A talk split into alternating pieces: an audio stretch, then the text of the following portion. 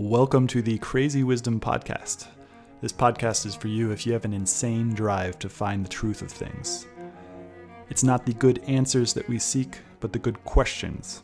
I interview a range of different guests from many different fields, all with the intention to uncover the simple truths that are hidden in plain sight. Most people don't want to go there. I go there. My guests go there, and you benefit. Please let me know if you enjoy these episodes, and as always, subscribe on iTunes, Spotify, or wherever you listen to the podcasts. Welcome to the Crazy Wisdom Podcast. My guest today is Liam Ellerby, and he is the co founder of the Curious Forge. Uh, and he is, uh, I'm going to do a certification for the laser cutter um, at the Makerspace, the Curious, Curious Forge. So, welcome to the show. Welcome. Yeah. Yeah. So I'm uh, in awe at what you've created here. Uh, it's like a, a beautiful place where it's like it's your dream, and I didn't even know this dream was possible. And then I just walk in here, and all of a sudden I get it. Like I understand, I understand what's going on, and it seems different. I've I had, I had never really set foot inside a makerspace except for Noise Noisebridge in San Francisco. Have you heard of Noisebridge? Oh yeah, yeah. Yeah, yeah. They're one of the granddaddies. Oh, Uh, interesting. Noisebridge and uh, New York Resistor were the first two. In early '90s, they went to Germany and. Yes, saw right. Yeah. their start of a uh, makerspace hackers hacker lab type thing, and came back. Those visitors came and uh, developed those two uh, Interesting. makerspaces. Yeah, and so Noisebridge started in the '90s then.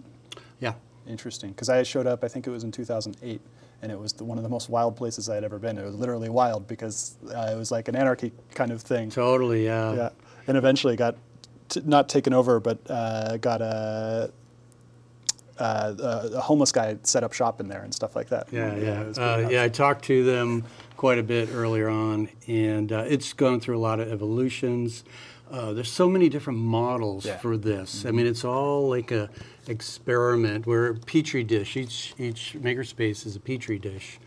Uh, with the personalities and, and the physical infrastructure as well. The size, what I've noticed, I've, I've visited over 100 makerspaces all over the world, and uh, size uh, will determine certain activities uh, that can go on. And uh, yeah. And how big is this space? This is 20,000 square feet, And what did you guys start with? uh, 800 square feet. 800 square feet. Interesting. Yeah. So and, yeah, go for it. Yeah, there's uh, you know uh, hackerspaces.org, I believe, is the uh, the site that has a listing of all the makerspaces in the world, and I use that to, to kind of contact people as I'm traveling around. Uh, about half of them don't exist, so Anymore. uh, or, or never got off the ground. Crib death. Oh, got it. And the biggest reason was, uh, you know, the same problem I had when I was starting it was, hey, give me 50 bucks uh, a month and we're going to have a great uh, space, believe me, blah, blah, blah. And so uh, a lot of times that's the biggest hurdle is getting it going, Yep. you know, and getting it started. Uh, And that's with everything, pretty much. yeah, yeah. And so it's that initial. Uh, somebody here mentioned a word specifically. I think it's get over the lip or something like that. yeah. That it's just, and that's for everything. And the thing I'm always had the most trouble with is distribution and how to how to how to sell something basically. Hmm. Um, how was that process for you guys?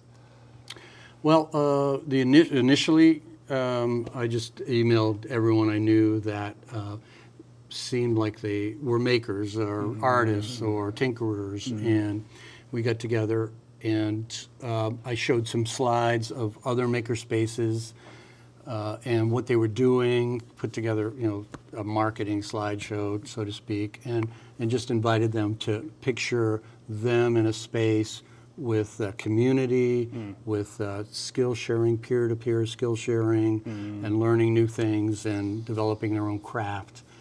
Uh, and there was about uh, 10 people that bid. And so that was the start of it. Uh, interesting. And they were all local. So Yeah. yeah, interesting. And so when did wh- So that first one, which was really was smaller, 800 square feet. You said 800 square feet. That's like a sm- size of a small studio, basically, right? Yeah. yeah, And it was just for skill shares. Uh, we had uh, a table saw. Uh, I emptied my garage into this space. Got it. And it was actually, we split uh, 1,500 square feet with another artist so that we could afford the rent. And then, uh, you know, grew grew into that place and uh, wanted to expand and uh, offer more uh, equipment and that. And so then we went to a 3,000 square foot space, filled that up, and then found out about this space here, which is abandoned for a number of years. Put about five months of work into this place. Oh, interesting. Uh, you know, just a small core of people. Yeah. Uh, probably 10 of us were. Um, by that time, we had about uh, 30 members. And um, so, you know, people came and got, went, and, you know, uh, added their skill set to uh, reimagining this place. Uh, this could have been a B horror movie, uh, yeah, set. It could totally. It was dead animals. You look up in the ceiling. There's holes in the. Oh, in the whoa. it, those are birds, and that you know just flying around and Because nesting it was in it. abandoned. Uh, do you know anything about the Nevada City Tech Center? I'm just going to go through it. Yeah. Yeah, yeah. Because the Nevada City Tech Center, that used to be a, um, a kind of a, uh, well, it was the Grass Valley Group. They they uh, took it over, but it's also in an abandoned state right now too, right? So you're talking the one. So Grass Valley Group was here. Oh, interesting. This was their manufacturing back in the day in the 70s, 80s, 90s. Then they went to Providence Mine Road. mm-hmm. Uh, there's a big complex there. And then they left there and they're up at Whispering Pines now. So I'm not Oh, because they still exist. I thought they were. I thought they were. I thought it was something that happened in the '70s, and then uh, Yeah, interesting. Yeah, yeah. So they, you know, they did vertical manufacturing here, uh, and that's why we have three-foot concrete floors. They did a pl- uh, plastic injection molding and um, screen printing, and they formed even the cabinets and the knobs and all of that here. As the technology grew, they outsourced a lot of that fabrication and they concentrated on uh, more of the software because you know the processors could then handle a lot of the uh, video switching and routing that, that they specialize in. Okay, so they moved. They they moved to because they were pr- first producing chips, right? No, they were producing video switches and routers. They were considered the Cadillac. They were like the top notch in the industry for a long time. And um, then they uh, went up to Providence Mine Road, and they uh, were outsourcing some of their boxes, you know, the fabrication of their stuff. Then and concentrate on hardware and some hardware, um, and then they moved up to Grass Valley Group. And they've been bought and sold, but they always kept the Grass Valley Group name. Interesting. But uh, yeah, this is amazing. 15 buildings, almost 200,000 square feet of space, 300 acres, Wow. Whoa. and um, And is are there other abandoned places here? yes, Oh wow. yeah. Okay. Uh, so the NCSA, Nevada City School of the Arts, Uh-huh. They um, they bought it. Uh, Mm-hmm. the guy that owned it died. The wife said, "I don't want it." Yeah. Sold it to the school and is financing it, and um, yeah, and they're selling off parts of it that they don't need. They're refurbishing some of it, uh, but the school is on the upper campus. The upper buildings up, s- you know, up the hill. And then, so are, were you in manufacturing or? No, I was an engineer with Lockheed. And I Okay. mainly did Ah. comms, security, database, and programming. Oh, and- how did you get? Well, uh, how did you get from there to uh, making stuff? Yeah. yeah. uh, you know, you, your listeners should look up uh, the image of homunculus, Uh huh. right? And it'll show this model that proportions the body in relation to the part, the size of our brain that manipulates those parts of our body, sensory and muscular. And the hands are huge. So we're all manipulators in that. But about, um, I think it was 20 years ago, I um, took a, a metal art class down at Sierra College. I just said, whatever's on the 17th page, third thing down, I'm going to take. And so, yeah, I just fell in love, bought a welder, bought a plasma torch, um, and just started making art, uh, metal art, uh, trailers, uh, a lot of utilitarian stuff, a lot of art stuff. And uh, and friends were coming over and uh, asking for welding. How do I do this? How do I do that? And then uh, went to Burning Man in 2011 and just saw this incredible kinetic sculptures, uh, mutant vehicles, things like that. And came back and just wondering how can that happen? How can, you know, uh, not not out of my little garage, that's for sure. And so uh, went to Maker Faire that same year, and that was it. That was the key. It was like that's it. That's the the model of how we get a group of people together in an organized way to to create. And uh, And so that must have, because of the proximity, or or at least it's on the way to Burning Man. Most people come through here, or they go through Southern Roads, right? Were there are a lot of people that come to help in August?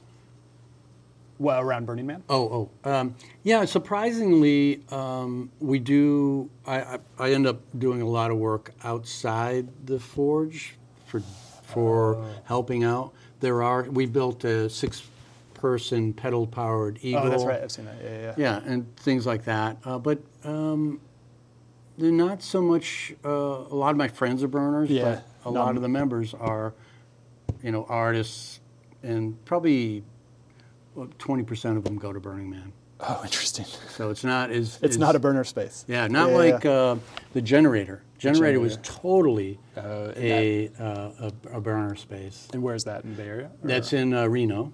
Oh, Um, okay. And they okay. just moved. They actually just moved. They were funded by someone with deep pockets for a number of years, and they had a, a huge space up there. I think Wow. it was about forty or fifty thousand square so feet. twice the size of this. Yeah, and um, Wow. And so it was a makerspace slash art place. Mainly, um, they did have membership, but it was mainly renting studio space, sort of like U.S. Steel down in the Bay.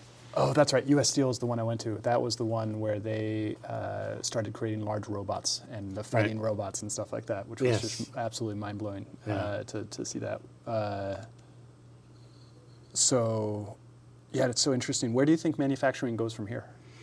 Yeah, uh, really interesting question. We're kind of they're calling it the fourth industrial revolution happening now, and it's uh, there's a couple things that have really accelerated, um, you know, the, this vector off into uh, more individual, more personalized uh, manufacturing, and that's the uh, uh, the open source design, open source software, um, f- democratization of tools. You know, the, the cost of them is dropping rapidly, um, along with that for- different materials. Is that for any tool, like hand tools, or Let me, yeah. Yeah, so- yeah. okay, yeah. So, um, and then the third thing is. Um,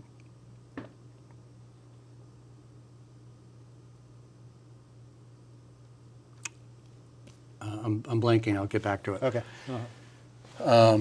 So we have open source uh, software design, democratization of tools, and those tools. It's uh, really, you know, like 3D printers, laser cutters, uh, all the CNC stuff now Oh, is uh, there's a lot of open source software that'll run the, you know, so simple stepper motors and whatever mechanism you got. Uh, the a CAD program, which could be Illustrator, it could be Blender, Rhino, SolidWorks, Fusion 360.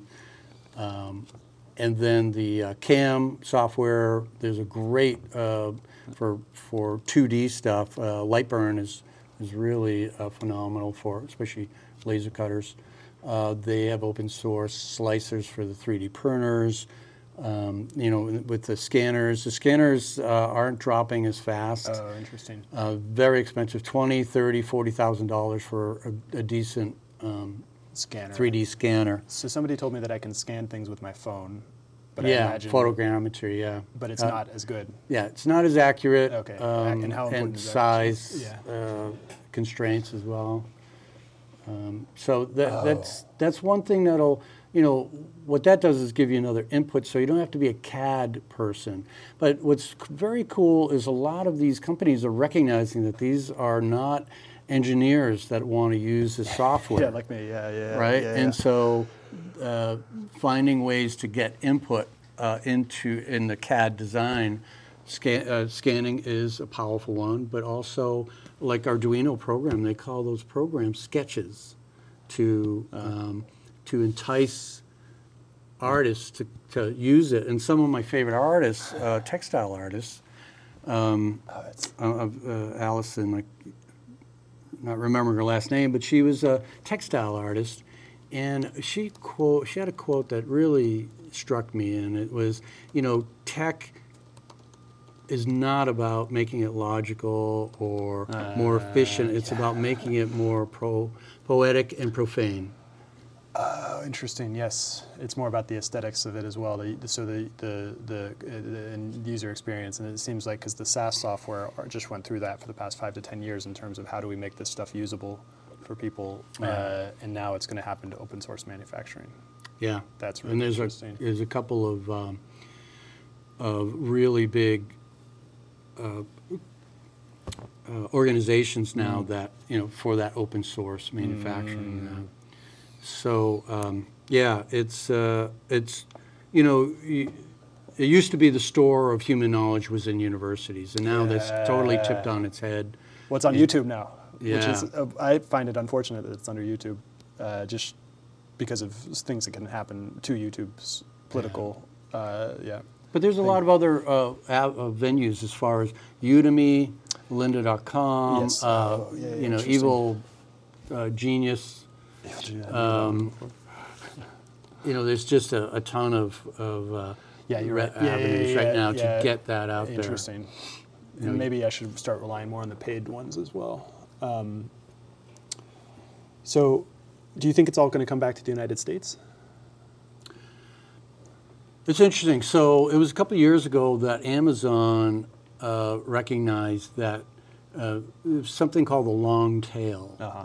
Okay, so when you have um, these blockbuster things with Mm. huge manufacturing uh, needed to produce, you know, millions of these widgets, uh, that used to be the bread and butter. Mm. And uh, if you map that out on the quantity, uh, you'll end up with this long tail, this uh, shaped like a uh, polywog or something. Yeah. And so you, for the first time, uh, several years ago, I think uh, three or four years ago, if uh, my memory serves me correct, the long tail income uh, surpassed the blockbuster income for Amazon. and that the long tail, all those Whoa. small quantity things are more niche, they're more specialized, they're more personalized. So, you know, you asked uh, what I thought about the manufacturing going forward. Yeah. It is going to be about deep Yeah, personalization. Interesting. So what we're trying to do here is um, help these traditional artists that we have here in textiles, in pottery, in uh, in jewelry, in woodworking, uh, to use these uh, new tools to deeply personalize their products for the customer. So in case of um, new textiles, they can take the laser cutter, take a picture of all their pets, um, and then use them to create buttons. And so we'll have the buttons on there. For the, with, again, the laser cutter is, is amazing gateway drug that you can use to deeply personalize your, your, your everything around you. But you know, we, we throw our own uh, plates and dishes and bowls here. We hack our bikes. Uh, we make our own furniture. Um, we sew our own clothes. Uh, And that's the fascinating thing I've been thinking about recently is because all of that stuff for the past 30 years, 40 years, we were talking about outsourcing. and I mean, this goes back 200 years, uh, but all that stuff uh, has been done the cheapest possible because of the time. It's all be about specialization, but specialization for large corporations to basi- basically specialize their processes Right. in order to get it cheaper. And now it seems like, so I'm 3D printing my own doodads basically, and they're they cost me probably it's about 50% about what I could get them on Amazon, and they take them out the same amount of time. Sometimes actually I could I think I could print something faster. Depends on what it is, of course. Yeah. But uh, um, and so that's really beautiful. And e- Yeah. even with, say, uh, if you look at McMaster-Carr, which Hmm. is those huge uh, supply books uh, for Oh, part yeah, supply, yeah, okay, a lot yeah. of them will have the three. The online version will have a 3D model, so you Oh. could potentially uh, download that and print it yourself. But then, what are the constraints on that in terms of printing for car parts and like uh, in terms of being used? Because most of the parts in a car are metal, right? Uh, actually, I would, you know, uh, the engine part, yes, but everything else is Oh. Everything plastic. outside the engine is plastic. Yeah, Yes, pretty much. Interesting. Uh, we have someone in, in the space here who's uh, Mini Cooper medallion. It comes off, I guess, a lot, and so he's, uh, you know, Oh, creating yeah, yeah. a form for that and going to customize that so he could produce more of those. Interesting. Okay, and I've got my phone here. I meant to ask you, probably not recording, but I think recording's fine as well. So I've got the small piece of, of my of my phone right here, and it's where I charge my phone. Um, and but the phones themselves are now made so that I know Apple at least. I don't know what Google Pixel does, and I don't know what Samsung and all them do. Or they make it as hard as possible for you not to fix it. And Yeah. I think I think Germany they just made a law that you, Yeah, you right have- to repair. Right to repair. Interesting. Yeah, and they're doing that in California too. Oh, there. Okay, cool. Oh, that's interesting. Um, and so, if if I can repair this, is there any way? What, what, how would you go about solving this problem? Right. So I would put a, a, a piece of plastic over um, that hole there Uh-huh. and press some uh, clay, oil clay into it. Get the get the mold of it. Oh. Yeah. And then 3D scan it. Oh. And then uh, you and then create a part that fits into the 3D scanner, basically. No, once you have the dimensions of the 3D. just print it out. You can print it out of something flexible. You know, we have Oh. flexible material, got castable material, um, you know, all kinds of stuff there. So then you just print it out with uh, more flexible material and Oh. it'll fit in. Oh, interesting. Oh, oh, okay. But then, how do I get the metal from the charger to the receiver part? Well, you typically take, flip that out of the way when you go to charge, right? Like, Oh yeah, interesting. But this thing, this, but the, oh no, but this is this isn't charging. I should have said the problem. So so Oh, the the the I see. char the Okay, phone has destroyed the the Yeah. phone has destroyed the charger male piece, or it keeps on destroying all the male pieces, and now it's not charging Right. um, into it. And uh, I think I think I have to get a new phone, but yeah, well, well, you can probably with that phone do uh, wireless charging. oh, interesting. Okay, Yeah. Wire- that's okay. Um, what do you do, or how often do you still experience this uh, sense of frustration uh, when creating something or Oh, fixing yeah. something? I think I, I wouldn't say I would rename it um, Hmm. uh, not frustration, Ah. but uh, tension. Oh, interesting. There's okay. a tension between. There's a dance that Yeah. we're we're uh, doing with what our imagination can can conceive of, what the material is capable of, what our vocabulary in manipulating that uh, material is, and then our, you know our own facility uh, with our either our hands, if we're doing pottery or. Uh, you know, and, and when you get into the machine end of that spectrum, Yeah. uh, that that manual dexterity kind of goes away, and you know, if we're talking about like say machining, then we're it's more of the design, uh, and As soon as you put it in the computer, it becomes more about the design and how you how well you can translate it into Right. uh, into words. into movements and and uh, Oh. and buildability, you know, uh, so you can lay out these six sided, but uh, uh, for a box, but if you don't uh, do it so that it can be put together and taken apart easily, Okay, that's the part that I'm having trouble visualizing at the moment. Is the the because I know how the digital things work. I know how all those systems work, but they're highly abstract. And now I'm moving into how to build things physically, and then uh, I guess it's almost modeling it in my head before modeling it in the computer. Uh, is just because I'm not familiar with the materials, I'm not familiar with the tools, and so. But that that's just a long process. It can be a long process, but what I figured out is that if I ask enough, questions of people who already done it, then that shortens that, that initial time and that, period. that's really one of the reasons why uh, makerspaces exist, Oh, right? yeah, yeah. Is It's the there's aspect. there's stuff you can learn on YouTube and all Yeah. these other channels, uh, but there's some things that you actually have to physically experience in order to to actually you know uh, use them with any facility. Mm. So, um, but you were asking um, you asked a question before that. Uh, well, tension. We were talking Oh, about the tension, yeah. yeah, yeah, yeah. So that's a really place of interest for me, Hmm. uh, that intersection of those elements and what comes out of that. So you can give 10 people blue paint with a paintbrush and a canvas, and they'll come up with, you know, and ask them to, to paint a box, right? So that's their dance between material, uh, the facility, dexterity, uh, Uh, imagination, and so that that analogy I think applies to anything we're doing, um, whether it's sewing our own camping gear or so the tension always exists. yeah, but the framing of it for me has come through as mostly as frustration but then uh, Yeah. uh, uh, the interesting thing is because now that i have this land i've been a nomad for my whole entire life and i haven't had a stable place that's what, that was always the bay area but it was like i would go go other places and then come back uh, and then now I'm tied to this land in ways that I've never been tied to anything before, and uh, uh, and it, it has requirements, and there's so many demands on on my energy and time that I had no idea what I was getting into, particularly with the fires, and so uh, but it's now.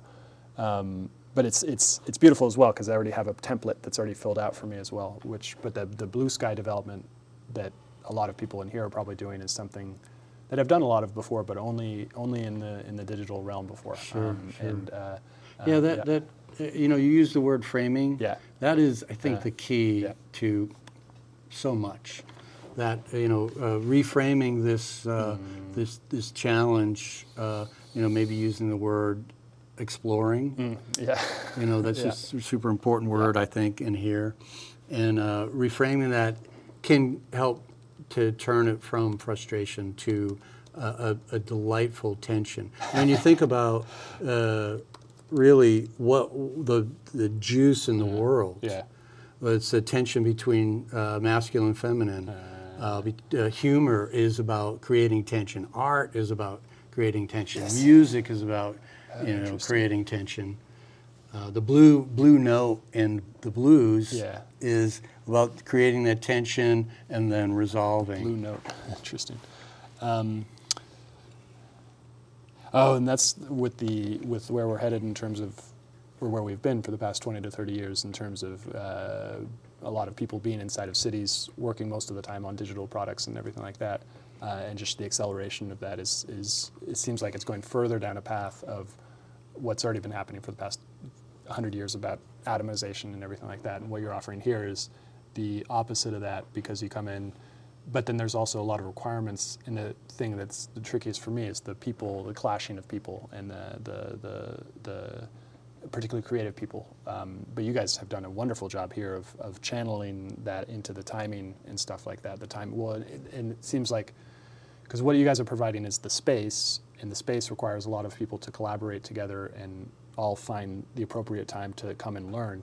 But a lot of people, that's that's a very challenging thing to do is to Oh, show is. up Yeah. on time. I think Yeah. that the uh, the top four things that I've uh, experienced with people um, being challenged to create Yeah. things in their life and, and Yeah. you know really about reclaiming their personal aesthetics is um, is uh, the equipment access to equipment you know some of the equipment we have in here is uh, you know twenty five thousand dollars um, which is not accessible. You know, uh, so you got the equipment, you got the uh, space. Uh, you know, in in the cities and even in rural areas like Grass Valley where it's housing, you don't have a garage, and maybe your partner doesn't appreciate having a, a mill in the middle of our living room. Uh, no matter how much you uh, have uh, accompanying pillows, uh, matching pillows, they just don't like that. And then um, uh, skill, you know, the, the skill to do it, the knowledge to do it. So uh, those three things we can solve, and we do it with our uh, area guides, we call them. Yep. And they're uh, they're either very passionate hobbyists or professionals, and so they're here once a week to uh, train you on the equipment and then support you in your uh, pro- uh, projects. Uh, but time is something that you we we can't solve that. You can't create time. You can't but Yeah, just kidding. Yeah. yeah, no, that- But what we want what we, you know, uh, what I like to share is uh, make a, first of all, honor your uh, creative life. that you, if you're the sum of your relationships, the cartes, uh, I, I would include in that relationship your relationship with materials and processes and, Yeah, and the things you interact with every day. And so, if you can uh, create a closer, more intimate relationship with the things that you interact with in your life, take your clothing. There's nothing more intimate than your clothing. Mm-hmm. And so, if you can, even if you're not m- tailoring, if you can alter um, or alter, yeah, hack yeah. it. Uh, we did a he- so heavy uh, with the workshop aprons for men. Uh. Uh, we got a, a ultra lightweight uh, camping gear guy going to be coming in and, and doing a workshop on how to do that. And so, uh, yeah, so you know, creating more intimate relationships with everything in your life. And that the uh, material aspect of that is really interesting because as you were talking about the lightweight camping gear, there's just so many ma- materials and they're specialized as well. And what is happening to that as the supply chain is kind of collapsed? What what is how, what are the main problems that you guys have faced in terms of uh, the materials, getting the materials for here? Yeah, so uh, we mainly supply, we don't supply materials. That's up Oh, to. yes. Now, we do get things like that are hard to get, like, um, and and not uh, like clay. You know, we go down and we'll get a ton of clay and bring it up. Uh, plasma consumables, plasma cutter consumables. Yeah. Uh, welding stuff. You know, we supply all that. Uh-huh. But the you know for wood, hey, I don't like oak. I want ash or. You know, I don't want veneer. I want solid. So we don't we don't try and supply any of that. Because that would the get away, and that would get away from the per- depersonalization as well. Because if you guys are offering the materials, then that would that would Right. change the Yeah, the- and so textiles too, we get uh, donations on textiles, we Uh-huh. have a bunch over there. If it doesn't suit your, your needs, you know, your aesthetics, then you can go buy, go buy some.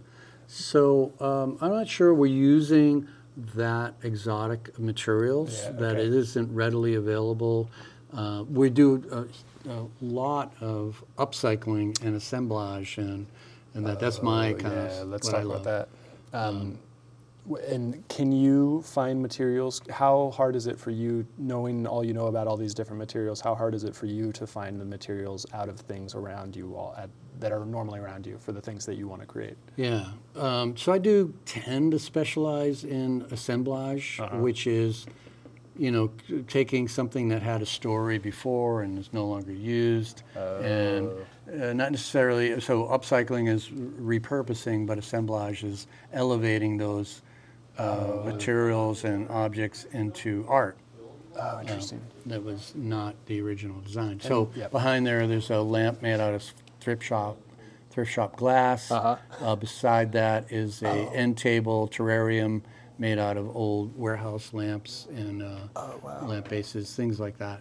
But uh, I do need to re- repair, and uh, I just finished. Um, some blacksmith forges last night. That's what I was here late last night doing. And I just took apart an old uh, kiln and used the fire bricks out of that and some uh, found metal that I had. And So the metal part, how hard is it to recycle metal? Like, could go could we go into the the towing? There's a specific towing uh, place that you mentioned. Yeah, Celestial Towing. Celestial towing, yeah. And so, how hard is it to go find metal and then repurpose it for things that you need? yeah, um, it, that is difficult for a couple of reasons. Um, people will tend to hang on to things that are straight Oh. and usable. Oh, got it. Yeah. and so they'll throw away uh, other stuff. Uh, what I like to try and find at those type of places is uh, s- spherical materials, and they come in Oh. everything from Weber, uh, the old Weber barbecues, to propane tanks, to because it's hard, you know, with with clay, it's easy to get form, hard to get volume. In steel and metal fabrication and art, it's uh, easy to get volume, hard to get form. And so I'm always on the lookout for forms other than straight and flat. because that's what everybody else is looking for. or that's what all the. And so, what is the the? Everybody's looking for the flat pieces because then that's the most functional. Uh, Right. And then and then so that leads me to another question about you mentioned function and art. What is the line between function and art, and how often do you find yourself like creating things that are artistic but not functional? How often do you create things that are functional, and not artistic? Oh, that's a really great question. Um, you know, I have a hard time with the way we define art these days. yeah. I feel like my personal definition of art is uh, an expression of an idea that is uh, ineffable and uh, is best des- uh, the best description comes out of a, a form. What do you mean? Uh, so a sculpture, you know, potentially a painting. So that's art to me. Yeah, interesting. Um, and then everything else is craft. And I think the problem has been Craft, we've uh, relegated crafts and artisanship uh, to a lower class. And, yeah, that's true. um, and, and for me, it's uh, I love where aesthetics and uh, utility come together. That is the acme Yeah, uh, for me. yeah, yeah. You know, uh, you know, art uh, has definitely has its place. It's just not uh, f- for me. I've only made one art piece in my what I consider an art piece, and that was uh, a, a sculpture um, investigating my relationship with my mother. and uh, it was at the altar show uh, a few years back. Uh, what is the altar show? Um, so every year they up at the fairgrounds, they around Halloween time, they have what they call an altar show, and they, there's probably 60, 70, 80 artists that create altars to um, whatever they want. It can be a celebration, it can be a mourning, it can be a, just an investigation of, of something. So That's um, really interesting. yeah. And so you've got the functional side, you've got the uh, art. What do you think about Meow Wolf and what they've done to art? Yeah, that's super interesting. I actually went there right after it was uh, they.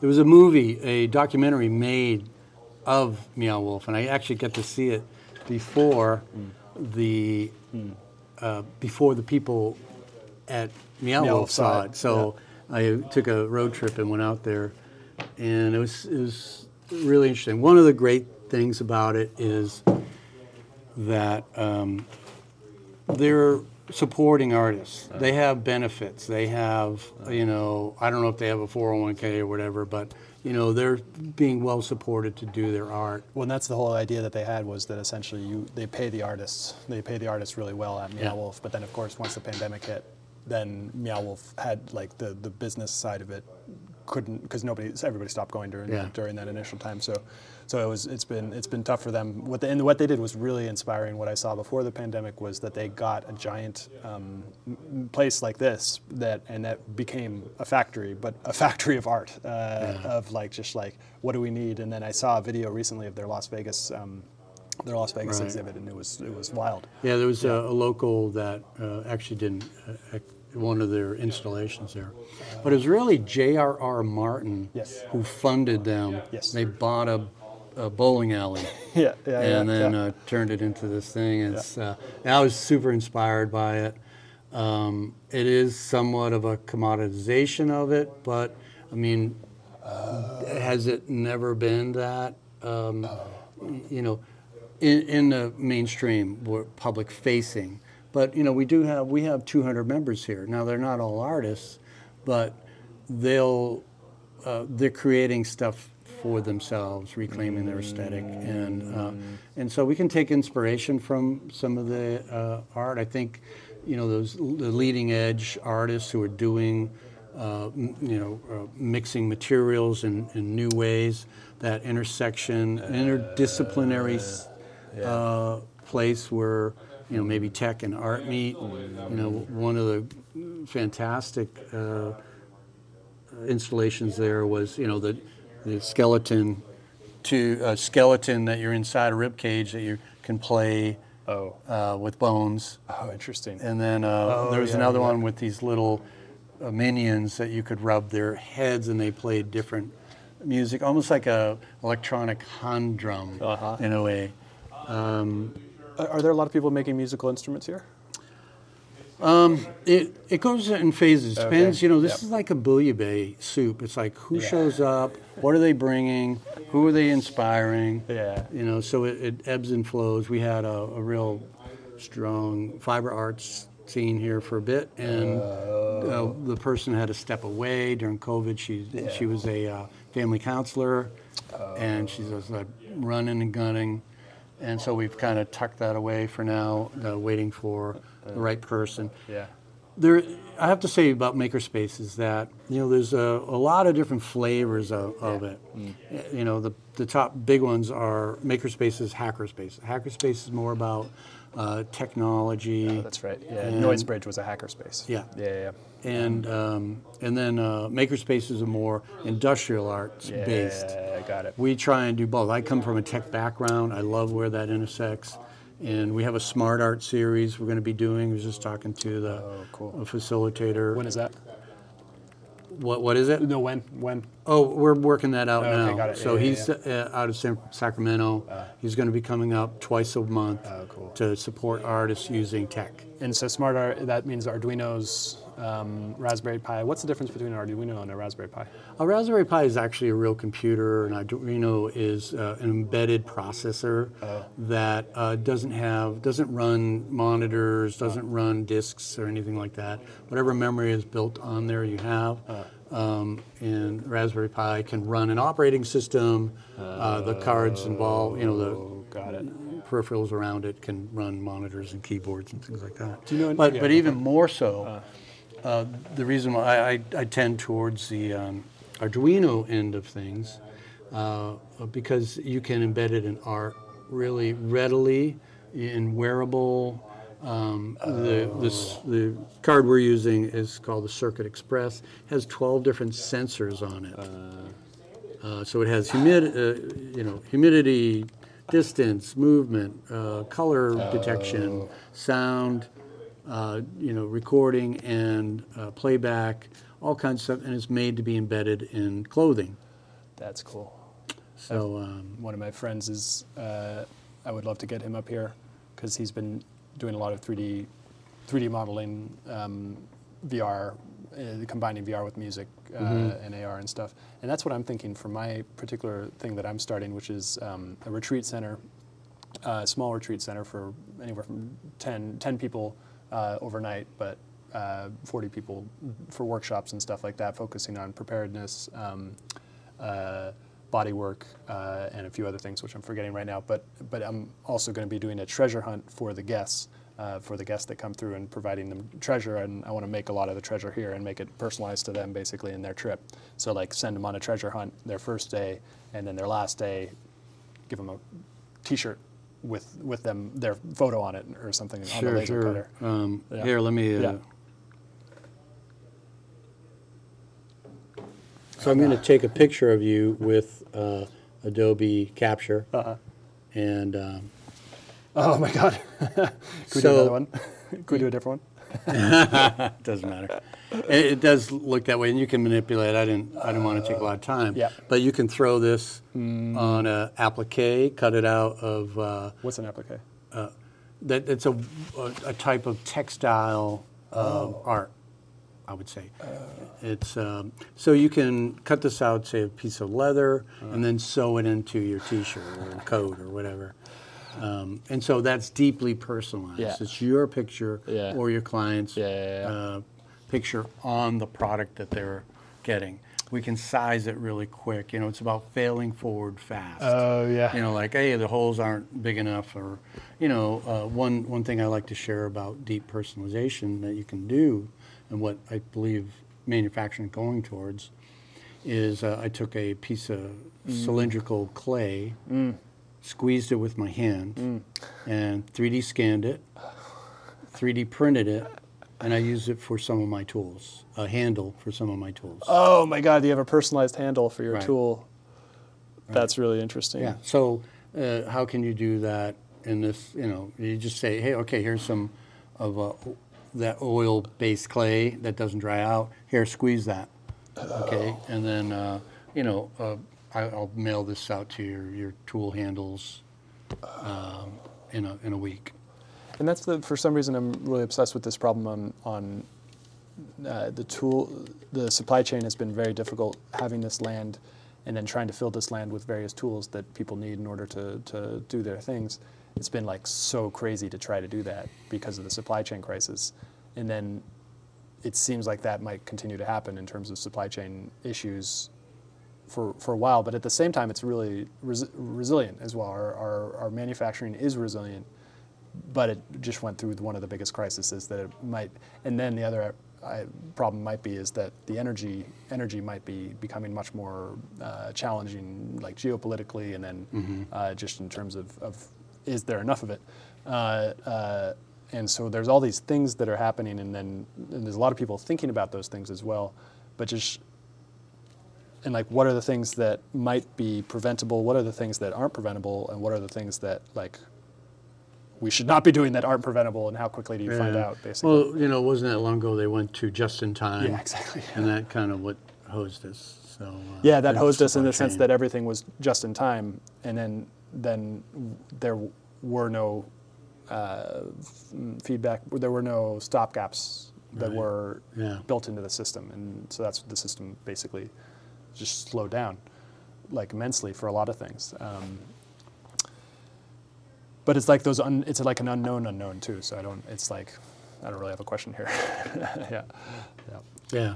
Um, So, um, you know, uh, I think like politics, um, uh, in, in some ways it should be de-evolved down to the lowest Yeah. place yeah, yeah, that's uh, efficient and, Yeah. and that. And it, it, uh, having a federal government, Mm. um, you know, I, I feel if we're delving into the politics of things that um, they should be setting minimum standards and then letting Yeah, um, local- you know, the- de-evolve everything, all the other decisions. uh, which is what, what they what they try to do in the beginning of, of the Yeah. country. Uh, So yeah, in manufacturing, then um, it's something you know akin to that. That um, uh, how can we? What's the? Well, my son uh, in his uh, in his uh, degree talked about, um, which was basically cooperative community development, things like that. He talked about um, New Zealand apples are actually less impactful to the planet being sold uh, than the local farmers coming in growing apples. growing apples. Why? Uh, scale, and then uh, the individuals coming in in their trucks, and you know, um, If you it's know, all this- in one place, there's less energy cost. yeah. Yeah. And so they, they load it onto it's they're by railways. They get trucked to the ports. They get loaded onto big ships, and but you know there's a cost to that too. And uh, Yeah, you know the, besides the initial cost, yeah, yeah, monoculture yeah. Oh, and the types of things that can ship, so we're limiting that. Um, so I'm not saying that that's uh, that I guess that's a, a an example of yeah, it's, m- s- more efficient to do it that way, but it's probably not the answer. Yeah, So it's not totally efficiency that you know should be the bottom line. Yeah, and that's and there's always trade-offs with everything. Yeah. Um, a, f- a f- a friend of mine is starting to do ge- uh, geopolymers, uh, uh, combine and they're local materials. So he's he's he's got a place in Georgia. They're not not hyper local yet, but he's saying that, that once he figures out the the tools for this thing, that it, it can become hyper local in terms Yeah. of local dirt earth materials, Right. combining those dirt earth materials into something that's stronger than steel, um, and uh, uh, and so. Uh, I'm very interested in that, but that, but those, it might be Yeah. kind of a, And, and I can't. I, I've signed an NDA, but one of the members is working on something very similar here. Oh, interesting. Um, But also, there's a, uh, a group um, who uh, s- either sells the plans or the equipment to process plastics locally. Um, And so they, you actually can become a, a viable business by collecting up the plastics and processing it. And we do have here, we have something called Filabot, which crunches down plastic and then you feed it into this other uh, machine. And it'll create the filament for your, your, your plastics. Uh, I can find that um, if you if you want. Sure. Someone uh, just sent me some information on that. Ooh, Hmm. not seeing it. Um, Oh, Yeah. the Filabot is very interesting because the plastics that I've been using a lot of the plastics for the 3D printing. Um, and but uh, do, who do you know of any people locally who either here or Sacramento or even the Bay Area who have 3D like in, who are manufacturing with 3D printing in more in the industrial si- sizes?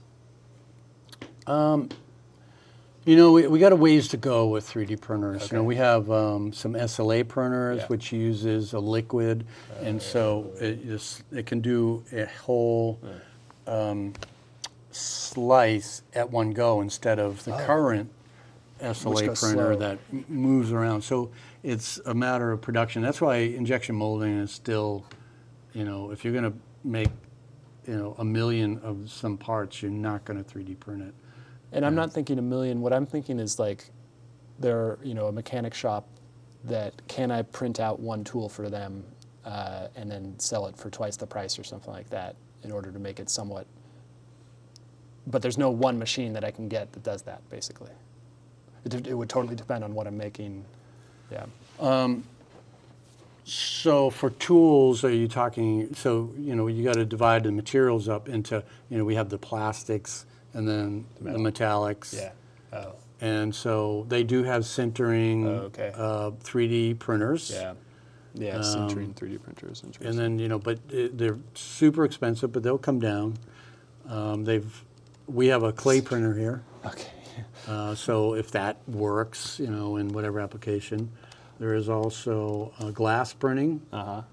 and uh, cement printing, of course, and, And that's what they're doing the houses out of, right? Is Yeah. their that's cement Yeah. printing. a lot of interesting stuff going on there. How how to approach that problem? Do you use rails on the side? Oh. I've seen one where it's Oh, just because it's so uh, big. Yeah, uh, but there's one with a. It almost looks like a, a crane that sits in the middle of the house and prints all around it, Oh, interesting. and then you disassemble it and take it out of the house. Okay, cool. So for the last five minutes or so, um, what's something that we should have talked about, but we didn't?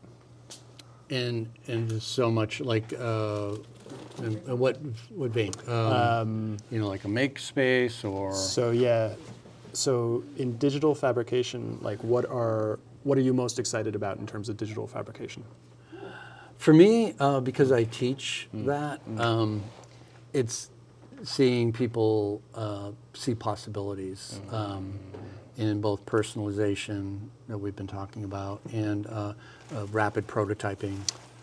Interesting. And because you know those things, uh, I've done some two, 2D forms that are foldable into 3D, and I've been playing with that, so I can take uh, and do it really fast on a laser cutter and cheaply with cardboard or whatever, and then take that same file out to um, the plasma cutter, which reminds me of the third thing that's driving the fourth Oh. industrial revolution, Yeah. which is standardization of file formats. So it used to be all these manufacturers had their their own proprietary file formats.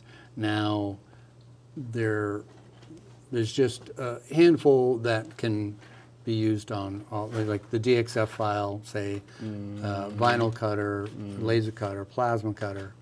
Um, you know, STL or whatever can be used on either subtractive, like uh, routers, mills, CNC mills, or um, uh, additive like uh, 3D printers. So that, that one file format can be used on a number of classes of machines. Oh, that's really cool.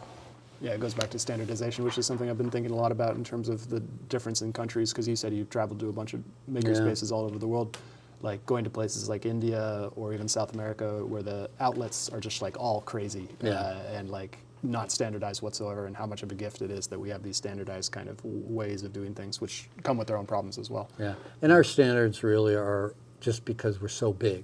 We don't really, I mean, we have uh, standards in our plugs, right? But the rest of the world doesn't. Yeah. You know, we just, uh, you know, we were either first or biggest. yeah, that's you know, like why are we not on the metric system? Yeah. you know, things like that. Yeah. So that's what drives that. I would say, um, you know, one of the things I think about is, um, you know, I look at myself and uh, when I was young and just hitting the sidewalk on my own for the first time. Uh, what, what can I do? What's available for me? And it was like um, dishwashing and that. So I'm, I'm super excited about uh, the amount of knowledge that's out there that you can um, really have more of a hold onto your personal uh, journey, your personal path. And you can experiment a lot. You can, uh, you know, the it's been you know the whole paradigm of how you are successful in the world has, has been turned on its head. Yeah, it is. you know and, it, and you just look around you can see all that. So that's super exciting um, to to enable that and, and help help support people who are interested in that. And like your own story of wanting to create uh, you know you can we have a, a laser cutter now that will do three quarter inch wood so you can actually build structures um, like David Best did at Burning Man you know his temples there are phenomenal all done in that with that mechanism uh, uh, to uh, you know tooling and uh, you know they got mills now that are tiny mills. Uh, one of the members just bought a combination lathe and milling machine, CNC lathe and milling machine for nine thousand dollars. Uh, that will do actual uh, some larger projects. It's not it's not toys. It's you know real Like a um, tiny houses, or Yeah, or, or parts mainly is what he's interested in doing, parts okay. for his uh, project. But uh, yeah, we got um, two tiny houses being built outside here. Um, you know, and so that dissemination of an interest in doing all of these. You know, the pendulum swings both ways, and it's Yeah. swinging back now. If you look at Yeah. the amount of, of movies, websites, um, uh, blogs, yeah, uh, it's. TV shows, they're all about making, you know, and, and you know, really getting handle on your your life, lifestyle, Mm. and, and building your life from the ground up. Yeah, interesting. And that's probably one of the best ways to beat inflation at the moment is to start building your own things. Um, Yeah. Thank you so much for coming on the show. How can people find out more about the Curious Forge? Yeah, we have the website, uh, thecuriousforge.org. Um, love to get feedback, uh, other ideas, other paradigms. That's why I love to visit other one, other spa- uh, spaces to learn more, share what I've learned, and, and just uh, you know be a student of the this movement that's happening. So go to thecuriousforge.org. Um, what was the fa- what was your favorite makerspace in the world? Yeah, that's interesting. They all had their own flavors, which is what I loved about it. You know, they do have something called Fab Lab, Have Lab, interesting. which is uh, came out of MIT that specified the, uh, the, the, the layout even and the types of tools and, and, and that and that's what Iceland did. They have they built five Fab Labs, and uh, it's about five grand to become a Fab Lab tech. And you have to build certain uh, projects in that, and and there's some benefits to that. Yeah. You know, as far as It's uh, like the coding school in Paris. They, they started this one coding school in Paris that was just like uh, very elite, and you just had to go through it basically. Wow. Yeah. But uh, yeah, thank you so much for coming on the show. yeah. Thank you for listening, and I hope you enjoyed this episode. As always, you can find me on Twitter at Stuart Alsop III. Also, don't forget to subscribe on Spotify or iTunes for every weekly episode that I publish on Monday mornings. Hope you have a great day.